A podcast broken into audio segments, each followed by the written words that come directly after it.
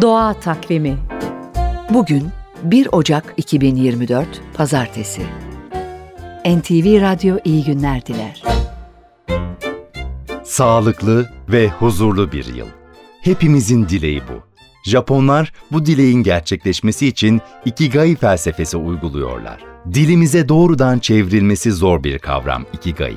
Sözlük anlamına bakarsak, iki yaşam, gai ise değer vermek, amacının olması, hedef belirlemek. Yaşama nedeninizin yani sizi sabah yataktan kaldıracak bir amacınızın olması, yaşamı anlamlı kılan şeyi bulmak diye özetlenebilen ikigai, uzun ve huzurlu yaşamın sırrı olarak görülüyor.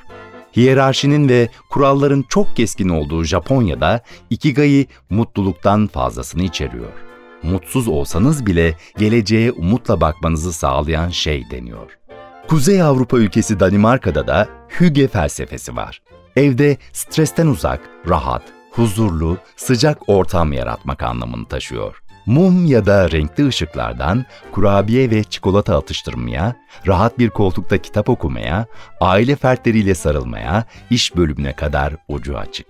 İsveçlilerin sırrı ise lagom. İsveççe averaj anlamına gelen bu sözcük çağımıza uygun bir yaşam felsefesi. Kısaca ne az ne çok, dengeli yaşamak.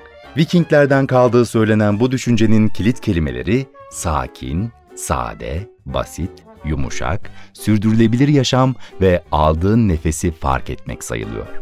Sağlıklı, huzurlu bir yıl dileğiyle. Doğa Takvimi